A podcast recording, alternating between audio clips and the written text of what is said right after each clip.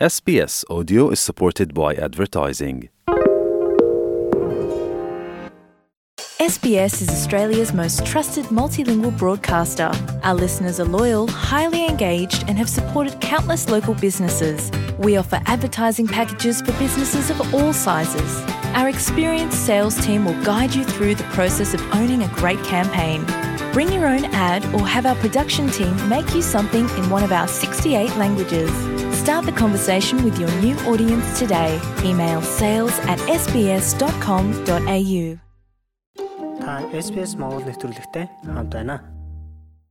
Австрали хэр их ялгуурлан гадуурхалт байдаг вэ?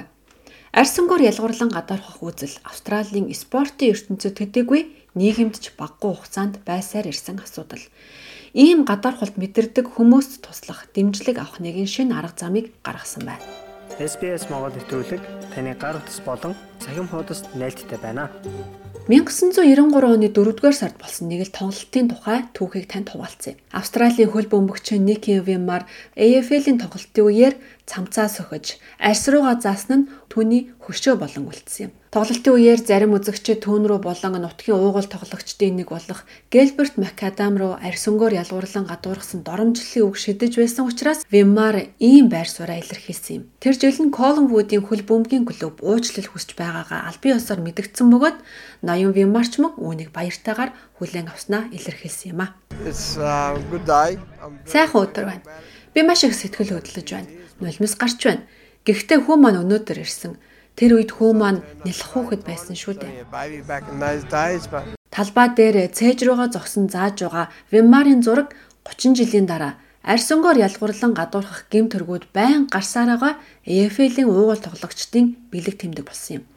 Арслангууд багийн довтлогч Чарли Камерон энэ жилийн цугларалтын тойрогт хүчирхийлэлд өртсөн уугуул дөрвөн тоглогчдын нэг байсан. Хөлбөмбөг сонирхогчид Сидней Swans багийн домогт тоглогч Адам Гүгс рүү хүртэл талбайд байх хугацаанд нь байнга хил амаар дайрч доромжилж байсан тухай дурсамж одоо хүртэл байдаг. Австралийн хөлбөмбөгийн лиг энэ хүчирхийллийн оргил үед Адам Гүгсийг дэмжихийн тулд юу ч хийгээгүй гэдгээ хүлээн зөвшөөрсөн. Одоогийн AFL-ийн ахлах Гиллан Маклачлан арьс өнгөөр ялгуурлан гадуурхах үзлийг арилгахын тулд чадах бүхнээ хийж байна гэж мэдгдсэн юм а. Энэ нь бүх хөл бөмбөгийг дэмжигчд бүх австралчуудын 99% гомдоосон гэж би бодож байна. Манай хөл бөмбөгийн нийгэмлэг үүнийг хэдий ч нэ ойлгож хариуцлага хүлээх тусам энэ бүхэн сайн байх болно. Count the better. Хөл бөмбөгийн талбайгаас гадна тухайн газрын иргэдч арьсангоор ойлгорлон гадуурх үзэлтэй эвлэрхийг хичээсээр ирсэн байна. Инас Жасиф бол Мельбурн хотын оршин суугч. Викториягийн Исламын зөвлөлийн удирдах зөвлөлийн гишүүн юм. Түүнийг баг байхаас л арьсангоор ялгуурлан гадуурхах үзэл түүний амьдралын нэг хэсэг байсаар ирсэн хэмээн ярьж байна. За энэ нь нарийн үл мэдэгдэн байж болдог. Таны нүүрэн дээр ирэлж хийж болдог. Жишээ над руу эсвэл миний таньдаг хүмүүс рүү хашгирч байсан. Бидний хувцлалтаас болж ажилд авахаас татгалзаж болдог. Яг ийм зүйл үнэндээ надад тохиолдсон юм аа. Хүмүүсийг лалын шашинтай ихэвчлэн хүүхдүүдтэйгээ яваад лалын шашинтай эмэгтэйчүүдийн бие талдах явдалч гарсаар байдаг. Үүнээс болж эмэгтэйчүүд хижабыг олон нийтийн газар өмсгөөс татгалзахад хүрээд байна. Хэсэг судлаачид Австральд арьс өнгөөр ялгуурлан гадуурхах дайралт халдлагын сар хүрээг тогтоохыг оролджээ.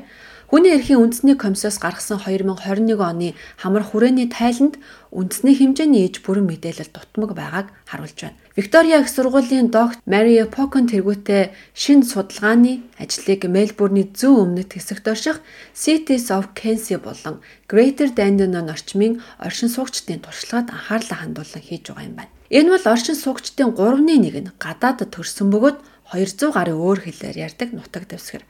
Ажлын байранд дэлгүүр хэсэх үед сургууль дээрээ их бага хэмжээний төрөмгийлэл, доромжлол, шудраг бус харьцах явдал их гарч байгааг энэ судалгаа харуулжээ. Uh, Манай судалгаа 62% нь сүүлийн 12 сарын хугацаанд арьсангоор ялгуурлан гадуурхах үзлийг мэдэрсэн гэж би хэлж чадна. Олон хүмүүс арьсангоор ялгуурлан гадуурхах үзлийг хүлээн зөвшөөрдөггүй учраас энэ тооны цаана маш нарийн төвхтэй агуулга байдаг. Зарим хүмүүс анги арьсангоор ялгуурлан гадуурхах үзэл гэж яг юуг хамардаг талаар огт өөр өөр ойлголттой байх нь бий. Зарим нийгэмлэгийн хүмүүс үүнийг өдөр бүр 100 удаа мэдэрдэг гэж өгвөл зарим нэг хүн хизээч мэдэрч байгаагүй гэж хэлэх нь ч бий.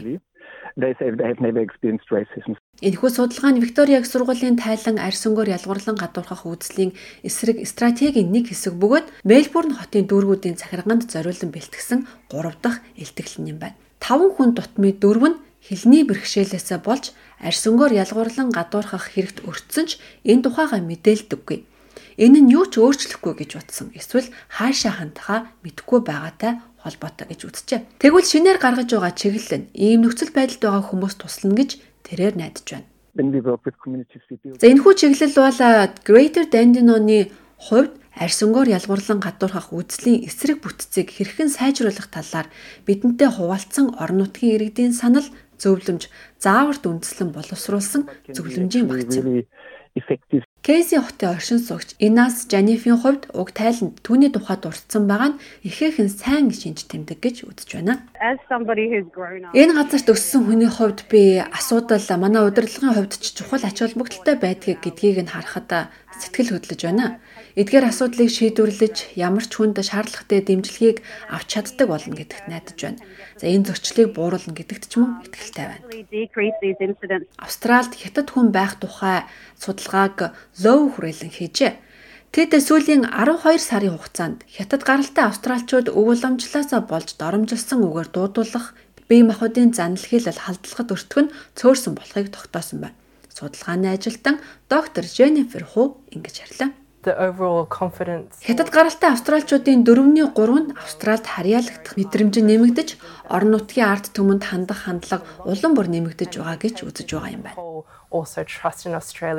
Арьс өнгөөр ялгуурлан гадуурхах үзлийн эсрэг үндэсний стратеги боловсруулах ажил хүний эрхийн комисстой аль хэдийн явагдаж байгаа. За тэгвэл Виктория их сургуулийн судлаачид ялгуурлан гадуурхах үзлийн эсрэг нэгэн чухал чиглэл боловсруулж байгаа нь муж даяар ахиц дэвшил гарах болно гэж найдаж байгаа юм. Та SBS Монгол нэвтрүүлэгтэй хамт байна. Бусад сонирхолтой нэвтрүүлгүүдийг SBS.com.cg Mongolian вебсайтаас хүлээн аваарай.